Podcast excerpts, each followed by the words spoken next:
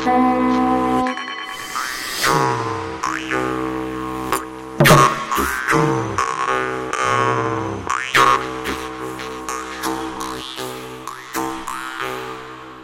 ritu raksti. Labu dienu jums teica tradicionālās kultūras raidījuma laika ritu raksti vadītāja Iveta Medene. Šodienas raidījuma temats - rakstu zīme Zeltis, jeb čūska. Par to izteikties esmu aicinājusi folkloristi Janīnu Kursīti, mākslinieci, vēsturnieci, etnogrāfi Aneti Karlsoni un arheologu Gunti Zemīti. Labdien visiem! Labdien! Labdien.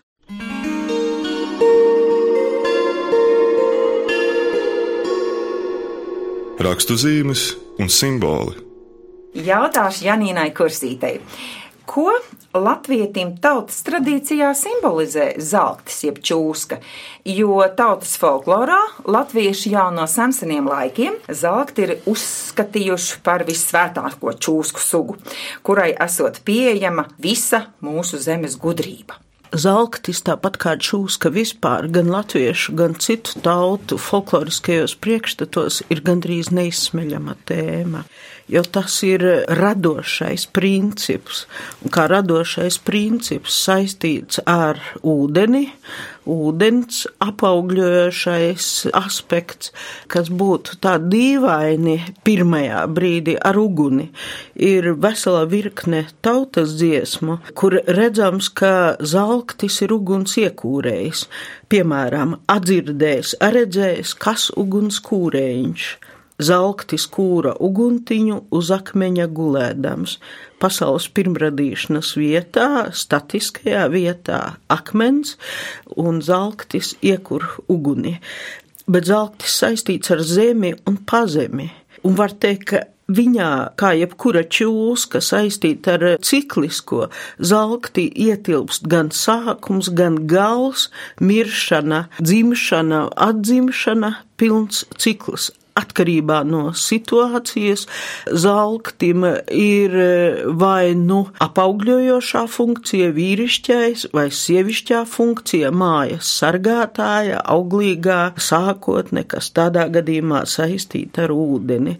Tas ir tik plašs temats, gandrīz nepaceļams. Jā. Radās tāda doma, ja zelktis ir uguns kūrējs, tad varbūt, ka tas senaņos laikos bija kāds pūķis ar uguns spļaušanu vai kaut ko tādu. Tas arī var būt, jo mēs gan jau visā sarunā nevarēsim apstāties un ierobežot tikai ar latviešu tradīciju. Protams. E, nevelti, vai tie ir zalkši vai čūskas, plašāk ir redzami gan Krētas salas, tās augtās čūsku, es nezinu, pavēlnieces vai sievietes ar čūskām rokās, kas zalkša formā, tādā es formā izliektā citvieta arī latviešu folklorā ļoti bieži pūķis arī ne tikai latviešiem, kā ugunsvēmējs. Viņš sevi gan ūdeni, gan zemi, gan gaisu, arī gaisa stihiju, uguni, viņš ietver sevi visu. Viņš ir potence, kā tāda zelkša zīme un pats zelktis, kuru baroja ar pienu, par to ir neskaitāmi daudz liecību, vēl pat no otrā pasaules kara folkloras ekspedīcijās savākts īpaši kurzemē saglabāts, ka zelkti baro ar pienu bet arī tepat pierīgā stopiņu novadā esmu pierakstījusi. Tāpēc zelktis mums e, ir saglabāta kā ļoti svarīga zīme. Citām indoeiropiešu tautām tā drusciņa varbūt pagaisusi, netik zināma un netik daudz lietota.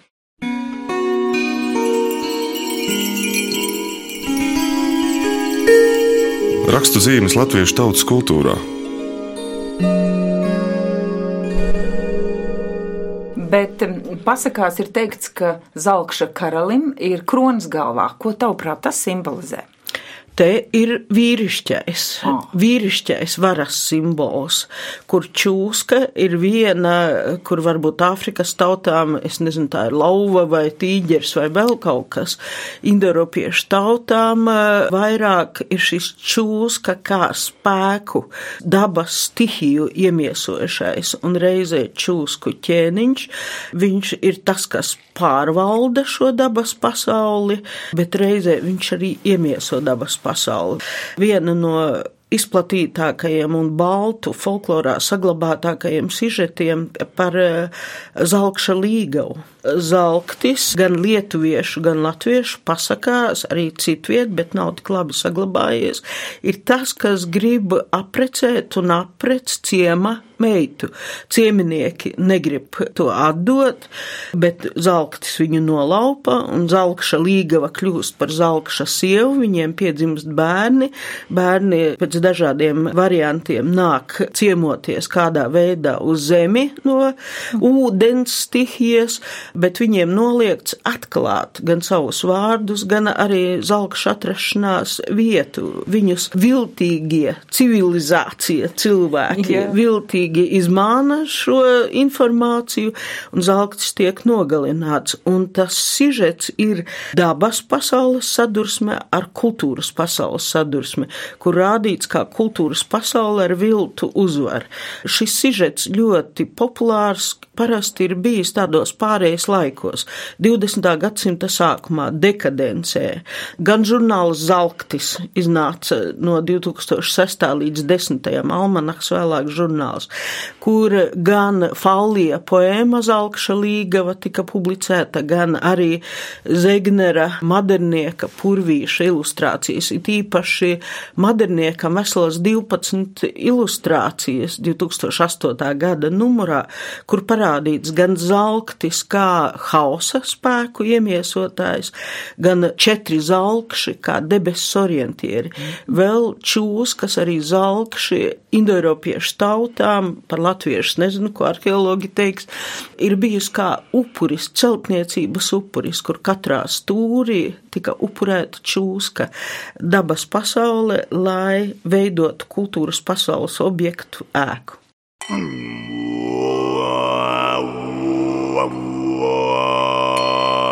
Rakstu zīmju senais mantojums. Jā, bet vai ir tomēr starpība indīgās čūskas, odzi un zeltis? Kopā es nevarētu likt. Tas ir pilnīgi kaut kas cits. Ir aploci, kur saskarās saistībā ar nomiršanu, atzimšanu, mm. arī zelktim. Jo zelktis, tāpat kā citas čūskas, cik es saprotu, arī pa ziemu ir ziemas guļā. Atcerēsimies, ir Raiņa 1912. gada krājuma gals un sākums. Ir čūska nemirtne un čūska nomiršana, atzimšana. Tas kādos laikos ir, ka čūska, kas dzeļ, dod nāvi, kas ir slikti Mēs visi gribam būt nemirstīgi, bet čūska ir arī tā, kas dziedē zelkša. Viena no funkcijām ir arī dziedināšanas funkcija. Bet tad tas varētu būt zelktis vai odze ar veļu pasauli arī šeit jā, nesaskarās. Jā, zelktim ir arī šī funkcija. Mēs nevaram pateikt īpaši no Grieķijas kapu pieminekļiem. Šķiet arī citur, es zinu, Bulgārijā vēl uz kapu pieminekļiem, kas pietiekoši seni, nu es nezinu, vismaz 17. gadsimts Bulgārijā un Grieķijā tas noteikti senāks, ir čūskas zīme. Rakstu zīmes arheoloģijā. Latvijas teritorijā zelkša ornamentālo atveidu sastop jau kopš vēlā dzels laikmeta. Tautas mutē zelkša zīmēji nereti dots vienkāršais līkumiņa nosaukums, kas acīm redzot saistīts ar zīmes tiešo līdzību šai formai. Gunti, cik izplatīta šī zelkša zīme ir uz senajiem priekšmetiem? Nu jā, nu zelts nav tas, kas biežāk parādās, cik es zinu, tad figūriņa, kurā ir attēlots čūs, kācīm redzot jau zelts, tas ir no aboras pirmās apmetnes, vēlais neolīts, tad akmens laikmet beigu posms, jā, tā tad tur viņi, nu, kā figūriņa izgatavot. Vēlāk ornamentā viņi ir salīdzinoši maz, bet um, Ja, nu, ļoti interesanti klausījos, ko Janīna stāstīja. Zelta kā ugunskūrēs, kad eh, Lietuvas teritorijā, cik zina, ir, ir sakts, kur ir um, zelts attēlots uh, ugunskrustu formā sakta, ja, tad, tad ir um, ārkārtīgi spēcīgs simbols, nu tāda dinamika, ja, kur ir um, abos galos galvas, kas vienu otru ķer rokā, viņi saplūst kopā, bet te pašā laikā viņi veido arī ugunskrustu. Nu, tur mēs varam domāt ļoti dažādi. Man šķiet, 9.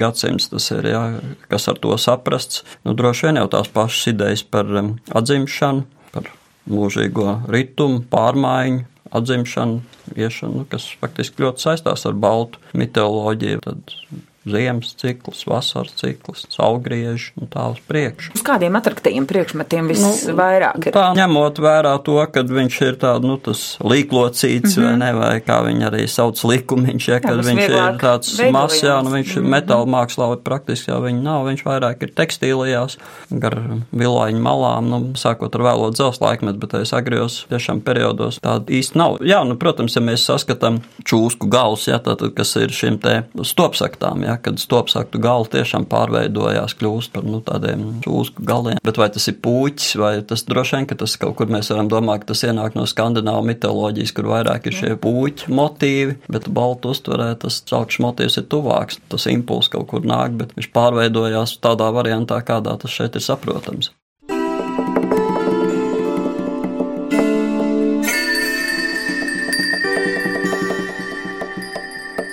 Rakstu zīmes apģērbā. Visuzskatāmāk zelta zīme ar dažādām variācijām un kuplinājumiem.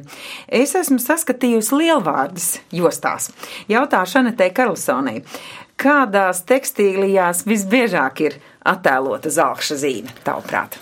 Tiešām taisnība, kad jostās un jostvēja daudzumos, kas varētu būt prievītes, bet par lielvārds jostām man gribētos teikt, ka tā jau ir zelta zīmes tāda kā izskaņa.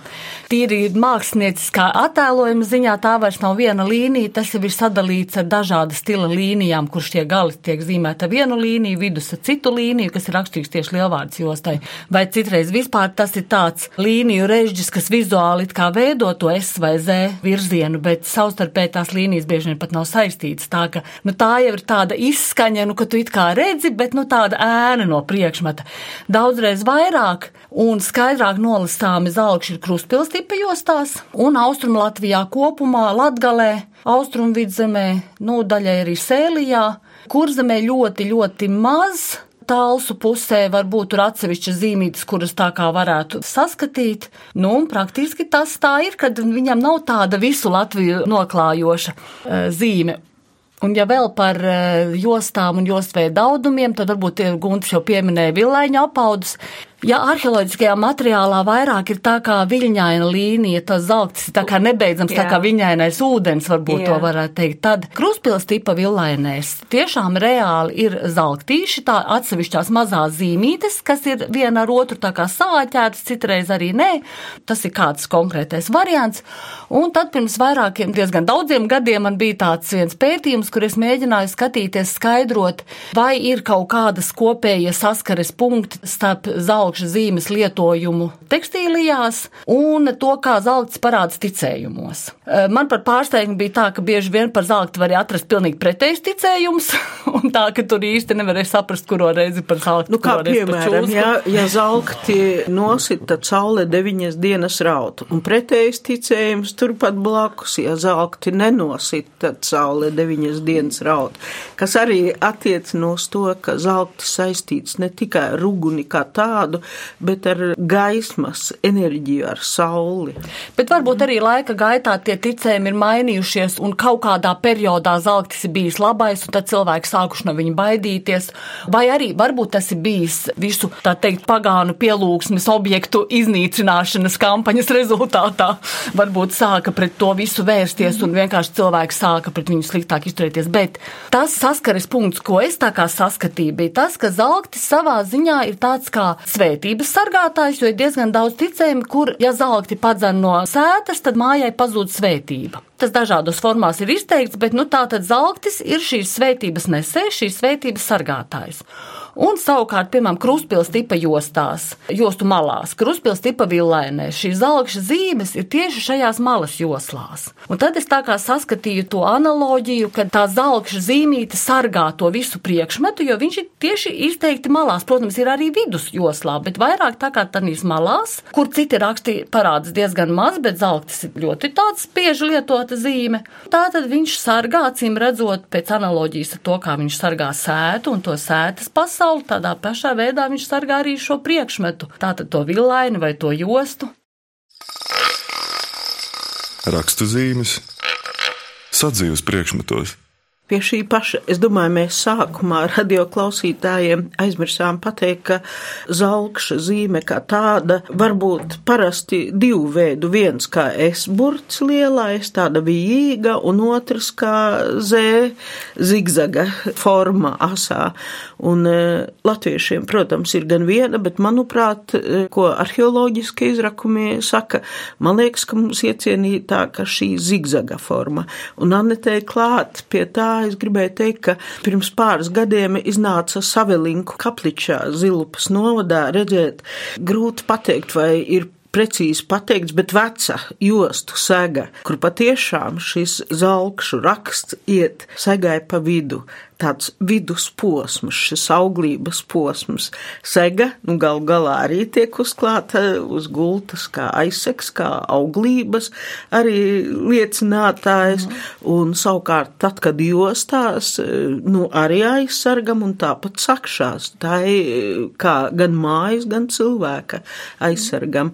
Vai vēl par tām jostu segām jums ir iznācis skatīties, jo tas bija apbrīnojams šī savelinku. Tieši sega. konkrēti Latgales jostu sagas es neesmu redzējis. Man Ilza Ziņģīt par to stāstīja, bet man nav sanācis tur aizbraukt un apskatīties. Es Jābrauc, vairāk esmu tā kā kopā. zemgales jostu sagas redzējusi, bet, protams, tur reizi jautājums, vai tas ir 20. gadsimta 20. gadi, vai tas ir sanāks Agrāk, materiāls. Sanāks. Jo vispār kopumā tanī reģionā rakstainās prievītes kā tādas nav ļoti izplatītas. Tur tā kā vairāk ir skujainās un svītrainās celainas.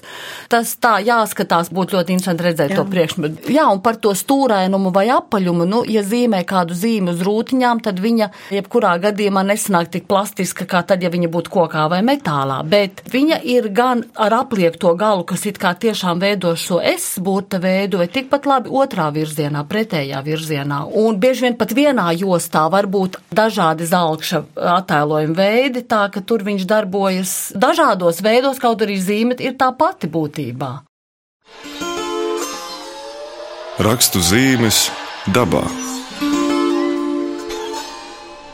Tautas dziesmās čūskai ir ārkārtīgi svarīga krāsa jo ir zaļās, sarkanās un kādas tur tik vēl ne melnas, baltas. Kā tas arī rakstos, ir nozīme tai krāsai, kādā tieši tas zeltīts varētu būt. Tā kā jostām ir vairāk tas krāsu salikums konkrēti joslās, un, un vidējais raksts, vidējās joslas raksts būs dominējoši vairumā gadījumu sarkanā krāsā, vai tur pa vidu ir zaļā strīpiņa vai nav, vai tur ir trīs krāsu salikums, kā kurā Latvijas reģionā.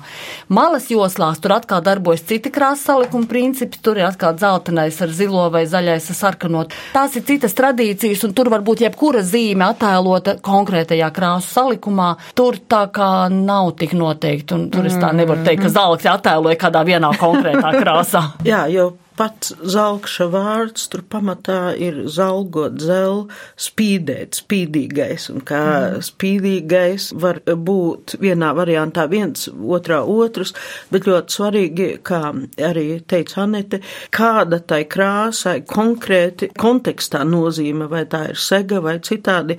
Es iedomājos, ka tu jautāji par zalkšu atšķirību no čūskas, ka zalktis pozitīvais pārsvarā ir arī vesela virkne burā kurām tautas dziesmu, kur zelktis kā šis negatīvais, kā saistītais ar veļu valsti, bet ar milzīgu spēku. Brauc projām laumas meita, tev iejūgts kumeliņš, melna zelkša grožu liku, glodentiņu iemauktiņu. Glodenes un līdzīgu te, kā daudzu indoropiešu tautu, vai tā būtu sengrieķu vai baltu mitoloģija, kur parādās vai dieviete vai sieviešu kārtas gars, vai no ar čūskām matos vai čūsku groži, tāds ļoti arhaisks kā sievišķais, kā netik daudz iznīcinošais, bet kā stihiskais, gandrīz nevaldāms. Viņu braucējs raida projām, nu, varbūt sievišķais burju spēks, no varbūt, kura drusku baidās. Varbūt, ka tur ne tik daudz kā sliktais, kā ļaunais, bet kā svešais. Tieši tā, precīzi. Jā. Tas dabas stihiskais spēks. Vīrišķajam braucējam tas ir varbūt ceļā apdraudošais, nesaprotamais un patiešām mm -hmm. svešais. Vēl ņemsim klāt, ka sākot ar viduslaikiem, bet Latvijā drusku vēlāk, sievišķais ļoti bieži saistījās ar buršanu, gan zāļu sievas, gan visas citas, no kā, kā saka, centās norobežoties.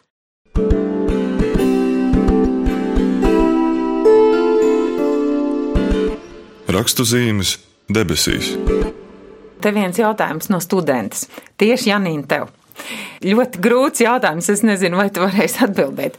Bet ko tu saproti? Kā tu varētu skaidrot šo tautas dziesmu?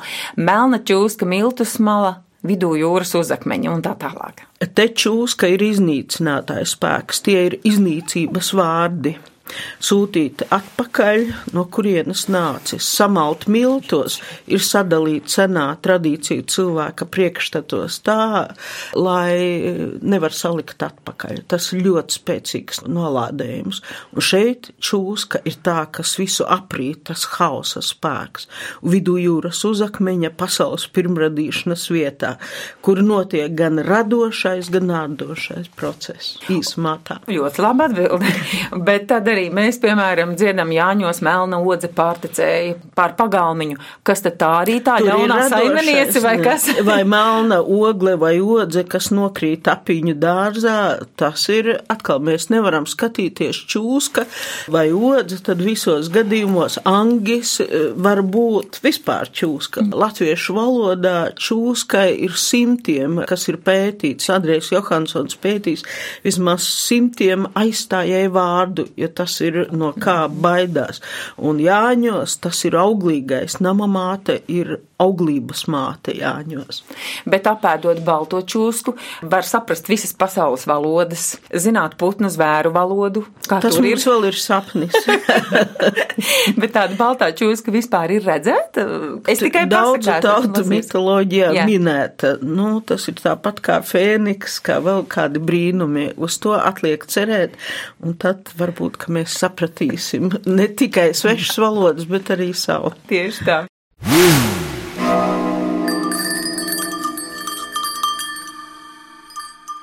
Tradicionālās kultūras raidījumā laika ritu raksti par zelkša jeb čūskas rakstu zīmi runāja folkloriste Janīna Kursīta, māksliniece, vēsturniece, etnogrāfe Anete Karlsone un arheologs Guntis Zemītis.